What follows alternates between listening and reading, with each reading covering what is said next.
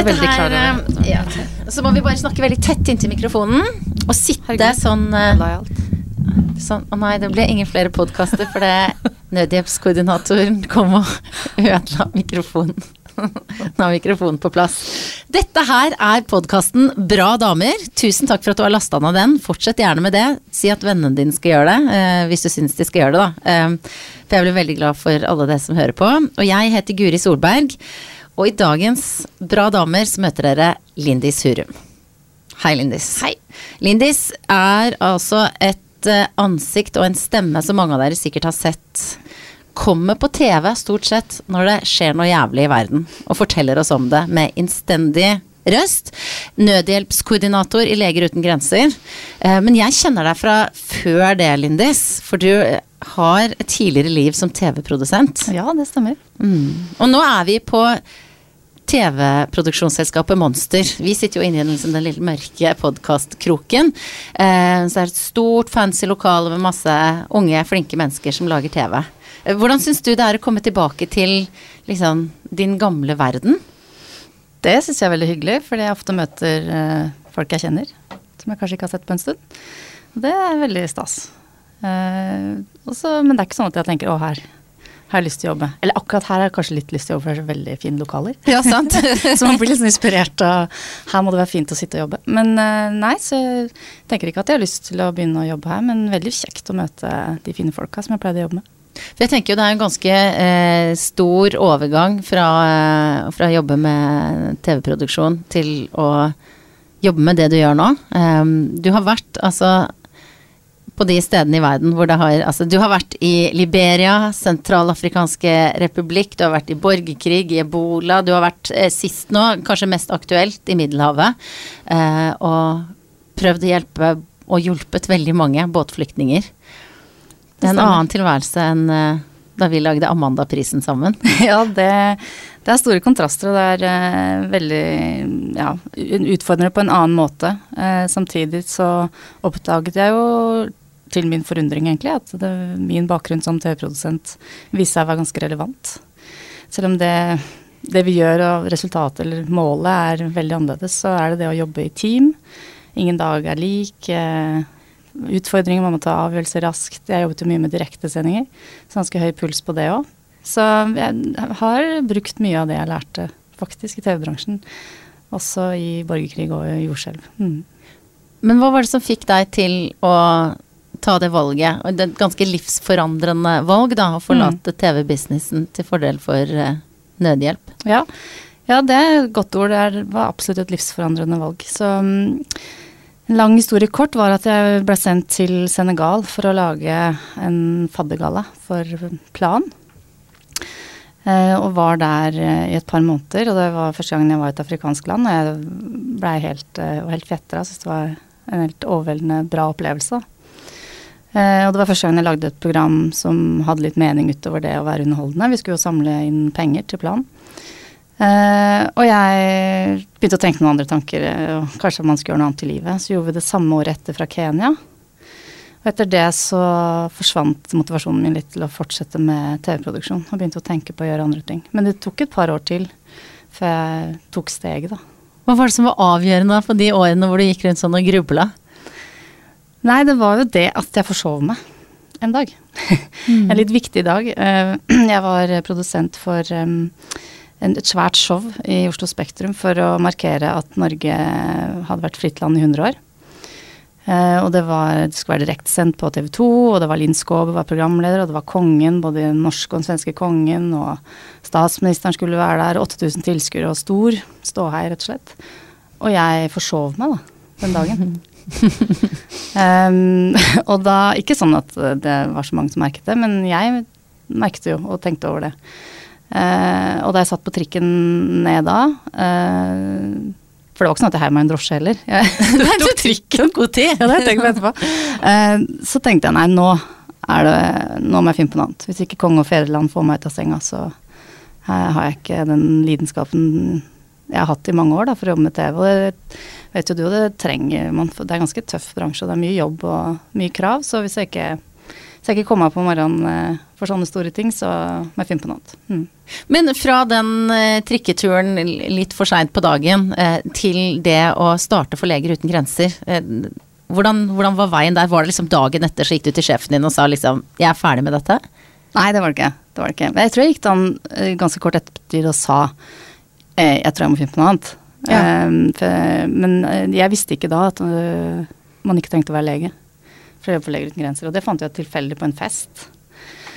Og da gikk det ganske fort. For da var det et eh, informasjonsmøte ikke så lang tid etterpå som jeg gikk på.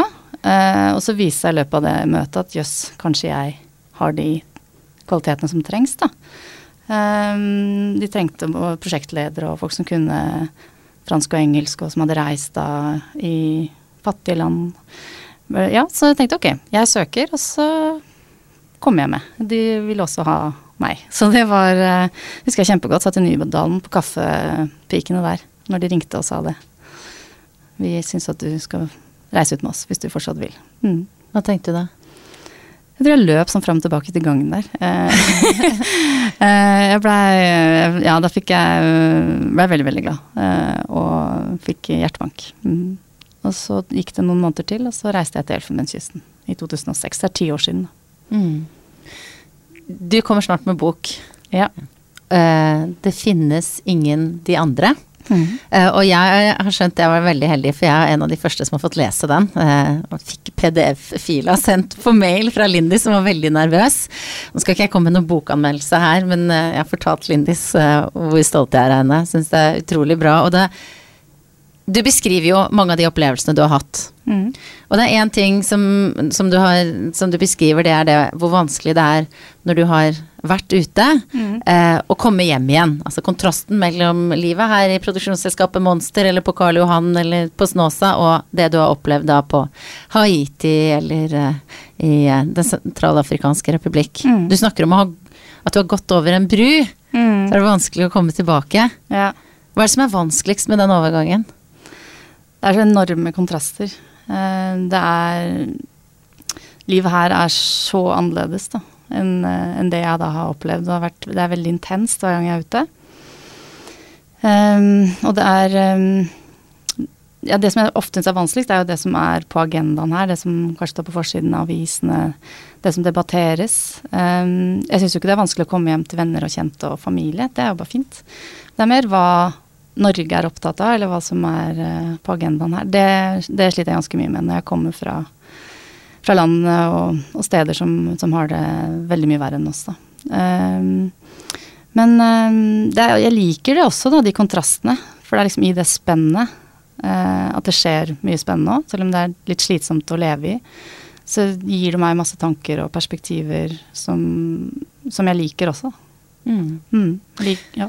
Og jeg, tenk, jeg tenker jo at eh, mange har et ønske om å, om å hjelpe til. Mm. Ikke sant?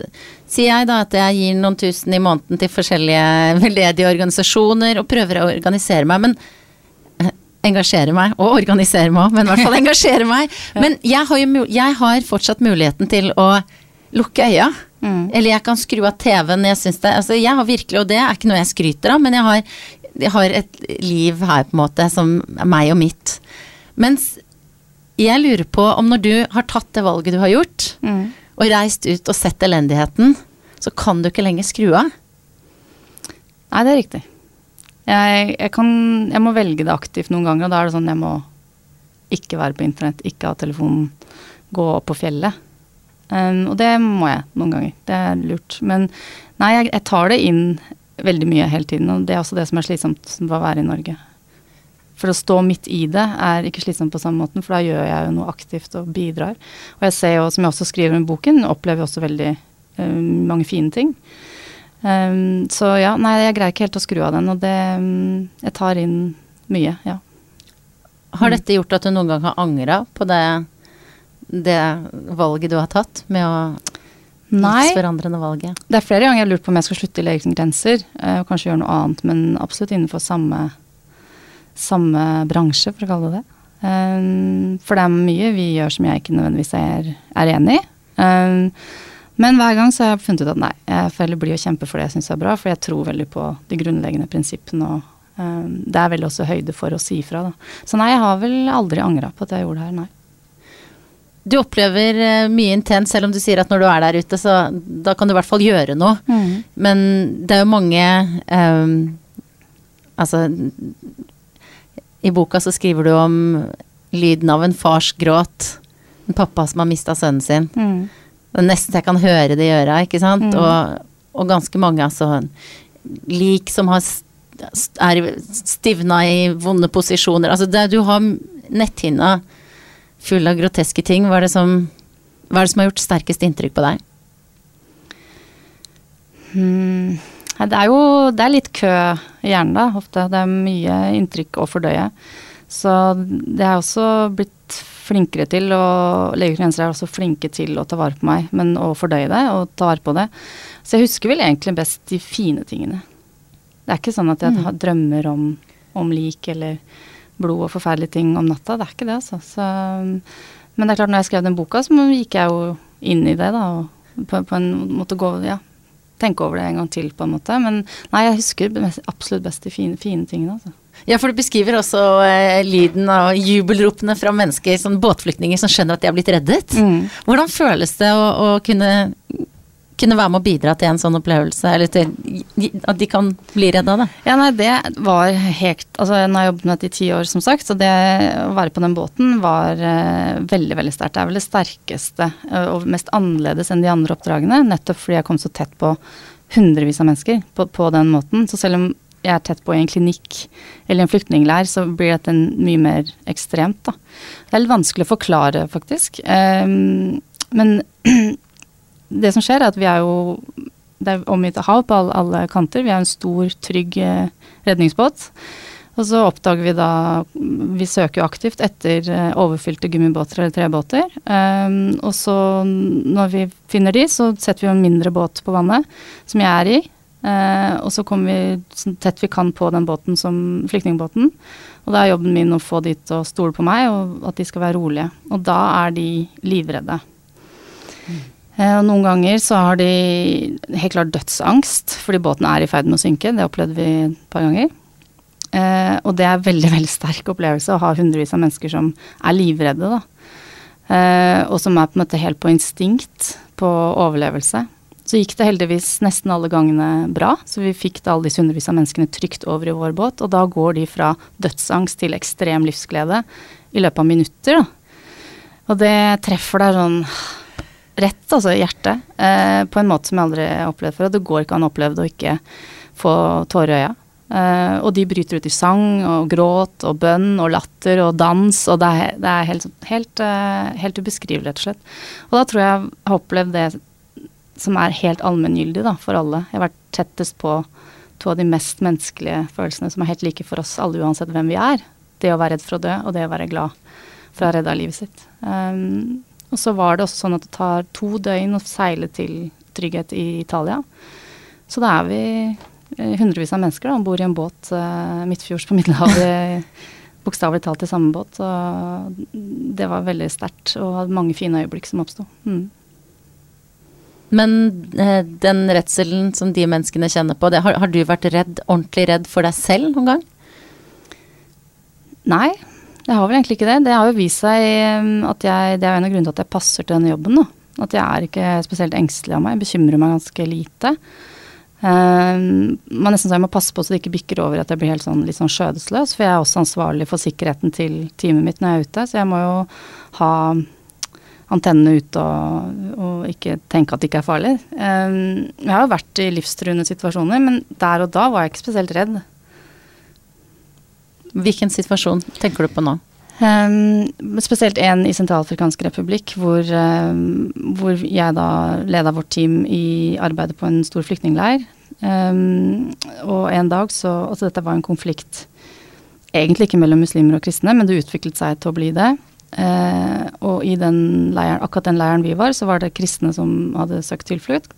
Og en dag så kommer det en muslim løpende inn på vår klinikk, etterfulgt av en mann med to håndgranater.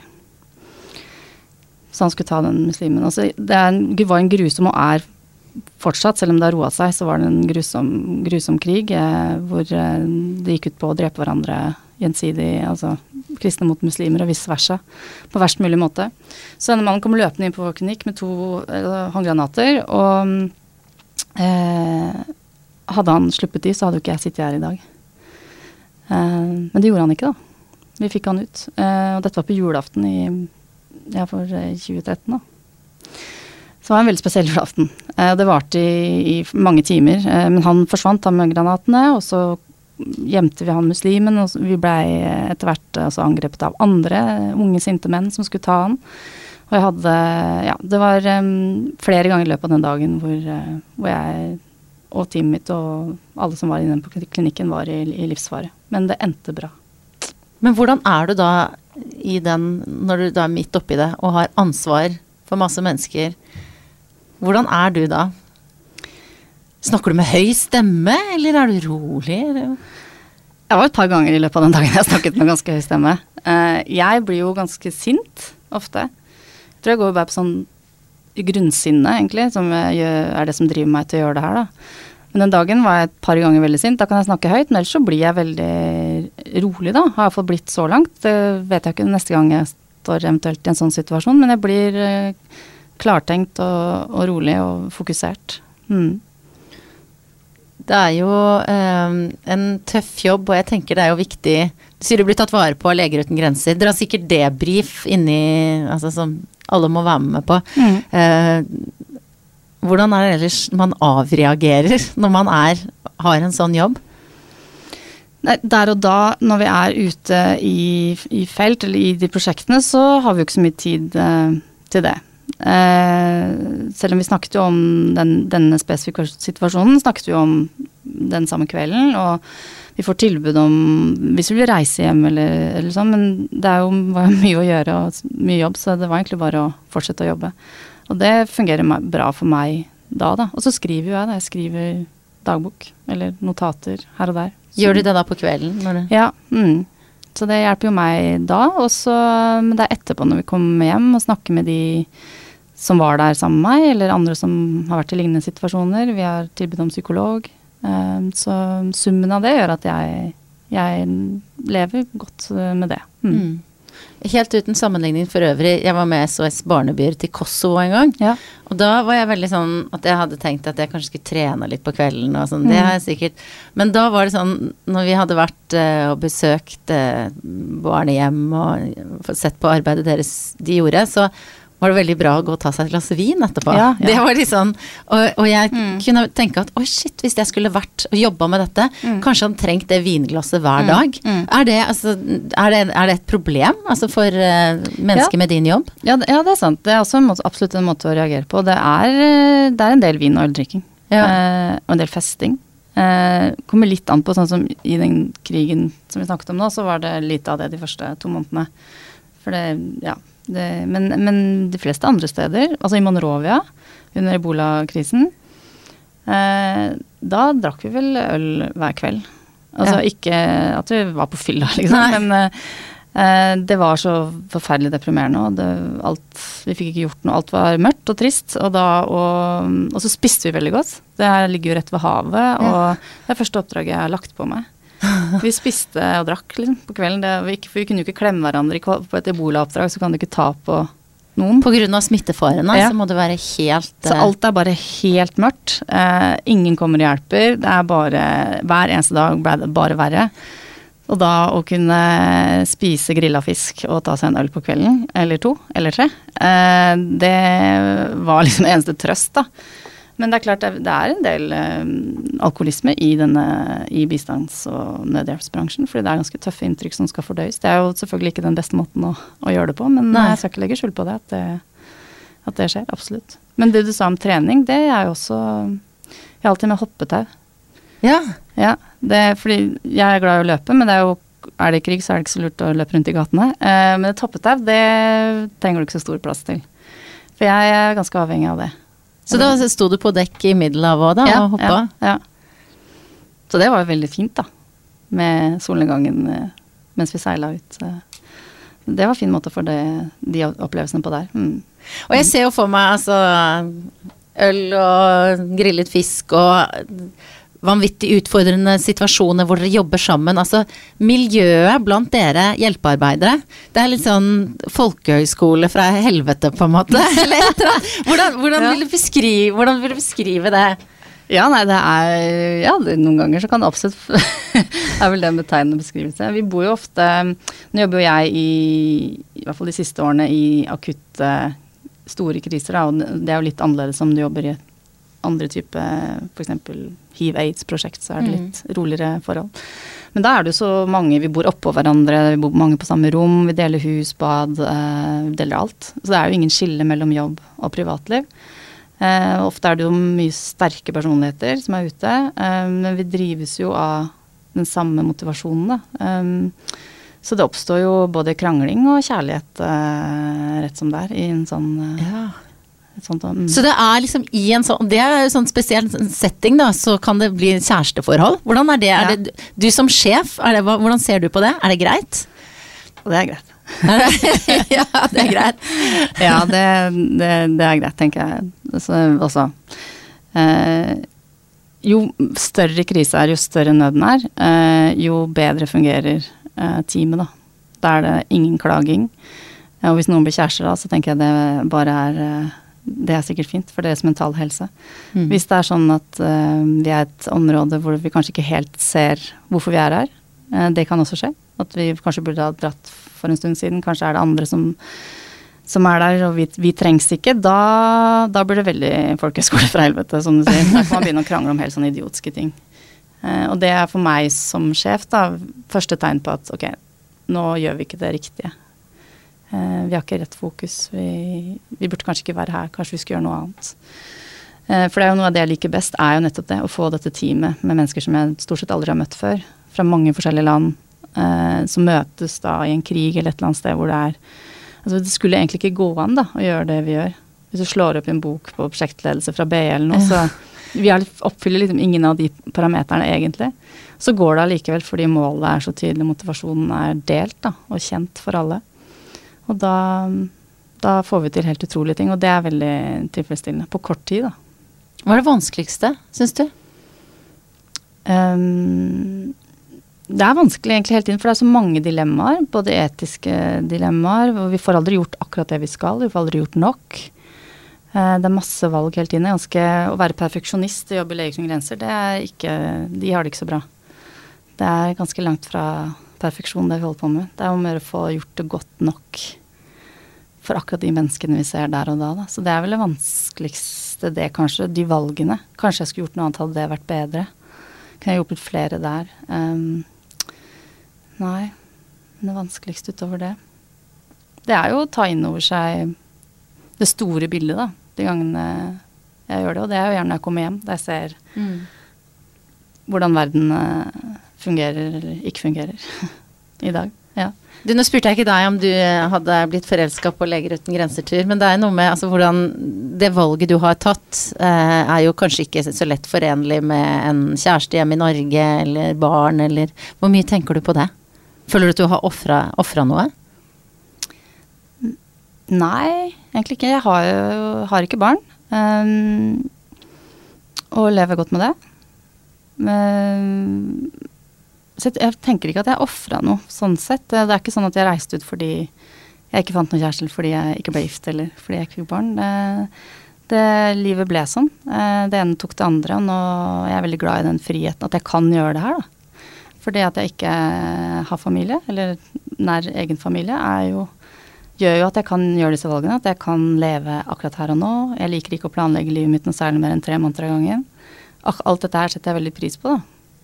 Så men det er klart, jo. Hadde jeg hatt barn, så hadde det jo vært vanskeligere. Men jeg håper jeg likevel hadde valgt et liv uh, utenfor uh, sinnskrise. ja, jeg tror det passer meg, da, og min personlighet. Mm. Jeg tenker på, vi, vi har jo litt sånn felles uh, vennekrets. Um, og, og det er jo sånn at eh, alle vi som kjenner deg, er jo veldig stolt av det du har gjort. Sant? Og du skriver også i boka di, så skriver du som at du blir kalt veldig ofte modig. Mm. Sant? Eh, og det er jo litt sånn at vi som har sånne vanlige jobber, gjerne tenker litt sånn Å, Lindis er så bra. Så kan vi kanskje skryte at ja, jeg kjenner jo henne. Jeg har gjort det i hvert fall. Når du har vært på Dagsrevyen, så sier jeg jeg kjenner henne, altså. Og så kan jeg på en måte speile meg litt i det du gjør som jeg ikke gjør, da. Mm. Uh, men det er jo litt av en bør å bære altså, Hvordan kjenner du på den rollen selv, når du kommer hjem og møter oss vanlige folk, skjønner du? Vi som ikke har tatt det valget som du har gjort? Ja, jeg kjenner når du sier det sånn, oss vanlige folk. Jeg er jo vanlig så Jeg har jo ikke blitt et annet menneske fordi jeg Nei. er her. Så det, jeg syns det er ubehagelig å stå i den, i den rollen. Men um, Det er ubehagelig å bli kalt modig, men jeg syns jeg jobber for en modig organisasjon. Så at, uh, da må jeg vel akseptere at andre også syns at jeg er modig, da. Men jeg kjenner meg ikke så veldig igjen i det. Jeg er glad for at jeg turte å ta det valget, at jeg har stått i det. Og så tenker jeg at alle må bare ta de valgene de vil. Jeg håper Eh, du og de andre jeg kjenner har valgt og er glad for de valgene de har gjort, og jeg har valgt det sånn. Og jeg tror ikke jeg er så veldig annerledes enn dere, da. Jeg går fortsatt eh, på shopping og på byen. Altså jeg har ikke blitt en annen person. Jeg bodde jo i Norge i 34 år før jeg, før jeg valgte det her, så jeg, synes, jeg, sliter litt med det. Men jeg må også lære meg kanskje å ta imot, da. Fordi det er jo godt ment. Um, og hvis jeg kan inspirere og motivere noen til å gjøre noe Alle kan jo ikke og skal ikke holde på med det jeg gjør, men alle kan gjøre litt, da. Mm, så det vil jeg jo gjøre. Men ja, jeg sliter litt med det, må jobbe litt med det. Hvorfor syns du det er ubehagelig å bli kalt modig?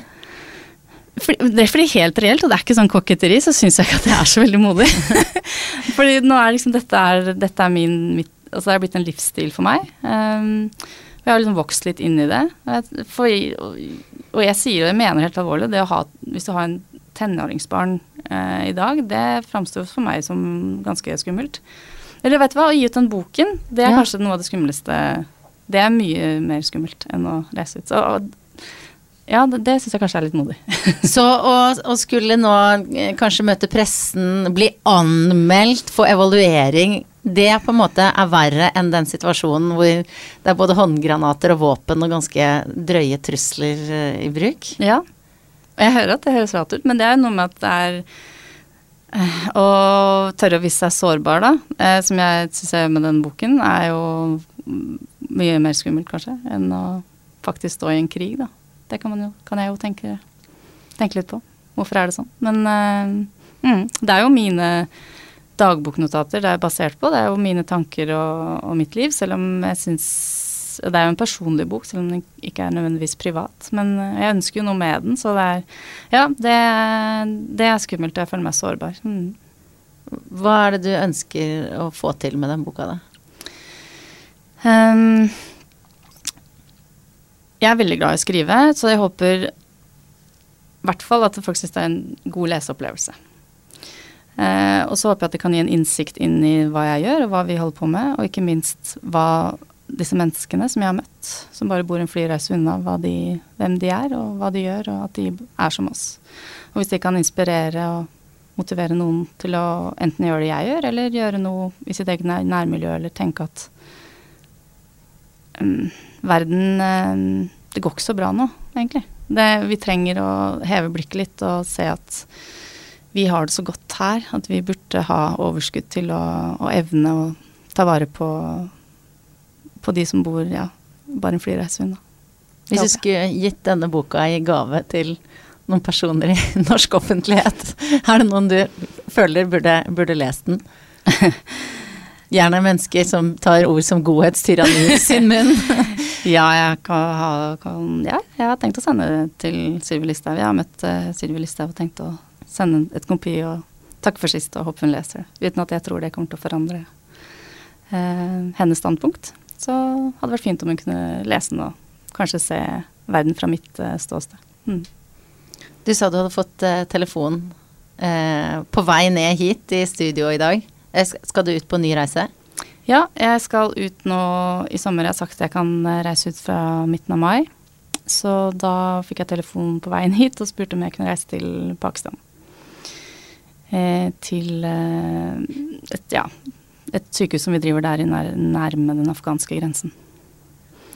Så da skal jeg tenke litt på det, men da blir det nok eh, at jeg setter meg på et fly til Islamabad i løpet av mai. Hva venter deg der, da?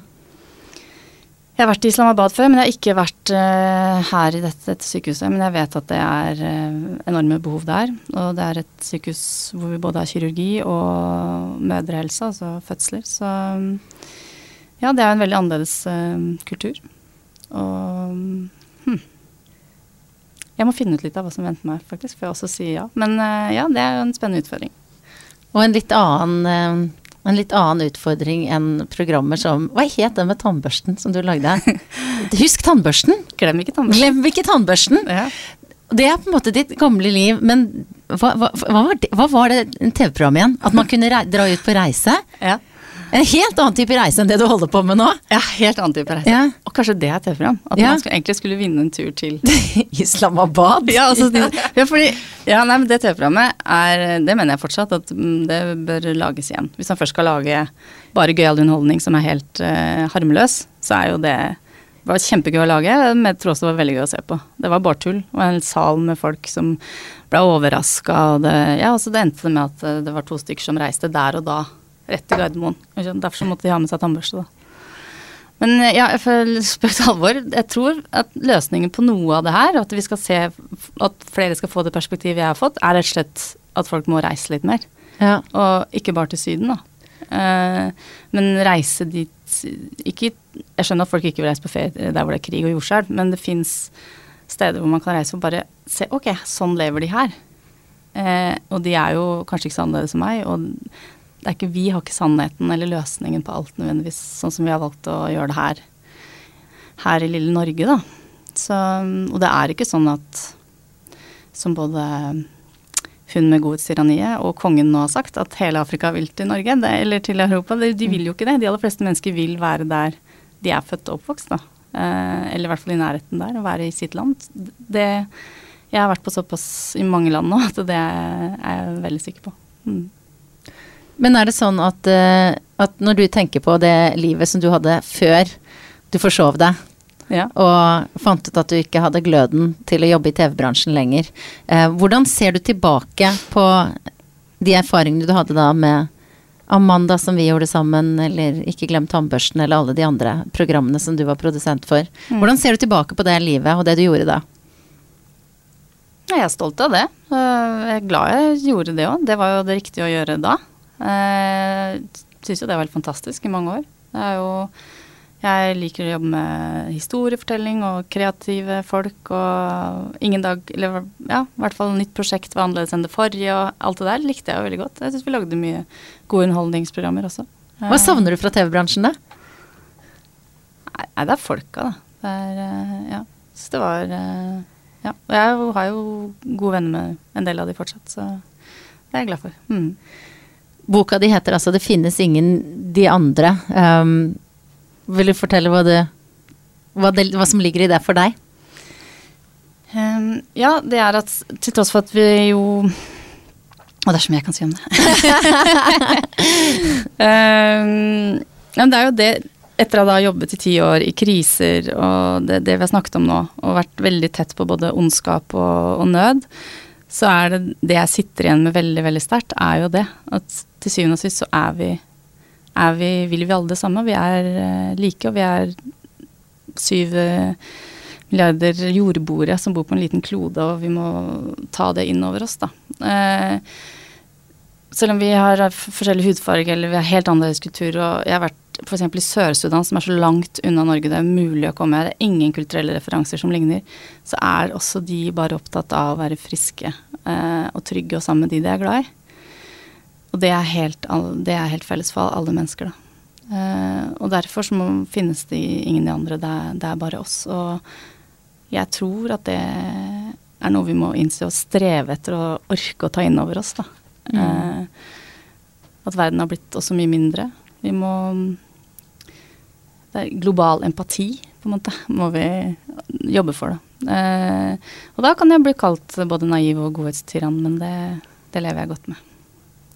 Lindis, jeg spurte om du ikke kunne prøve å ta med noe som sa noe om hvem du var, og hvem du var som dame. Det gjorde det ekstra vanskelig. Ja. Klarte du å finne noe, eller? Eh, ja, det ble egentlig noe som jeg har på meg hver dag. Oh, ja. eh, som er et armbånd. Eh, tenkte ja, hvis en dame, ok, det er et smykke. Mm. Eh, jeg går stort sett bare med de smykkene jeg har på meg nå. Det er ikke noen smykkedame, egentlig. Dette er et eh, armbånd som jeg går med hver dag, som ble laget eh, til meg i Elfenbenskysten på mitt første oppdrag. Så det blei meislet ut for hånd foran meg, han som lagde det, Oi. fra en sånn klump med av sølv. Så lagde inntil denne armringen. Står det noe på Ja, det? så står det her, da er det eh, gravert inn 'On est ensemble', som er fransk, og som betyr uh, 'vi er sammen'. Ja. Som er et veldig sånn spesielt i Vest-Afrika, men sånn saying, da, at det er 'we're in it together'. Uh, og det er jo akkurat det jeg tror veldig sterkt på, da. Så det fikk jeg i mitt første oppdrag, og det går jeg med fortsatt hver dag. Mm. Men fint. Tusen takk for at du kom, Lindis. Takk for at jeg fikk komme. Du er en bra dame. Takk i like måte. Monster.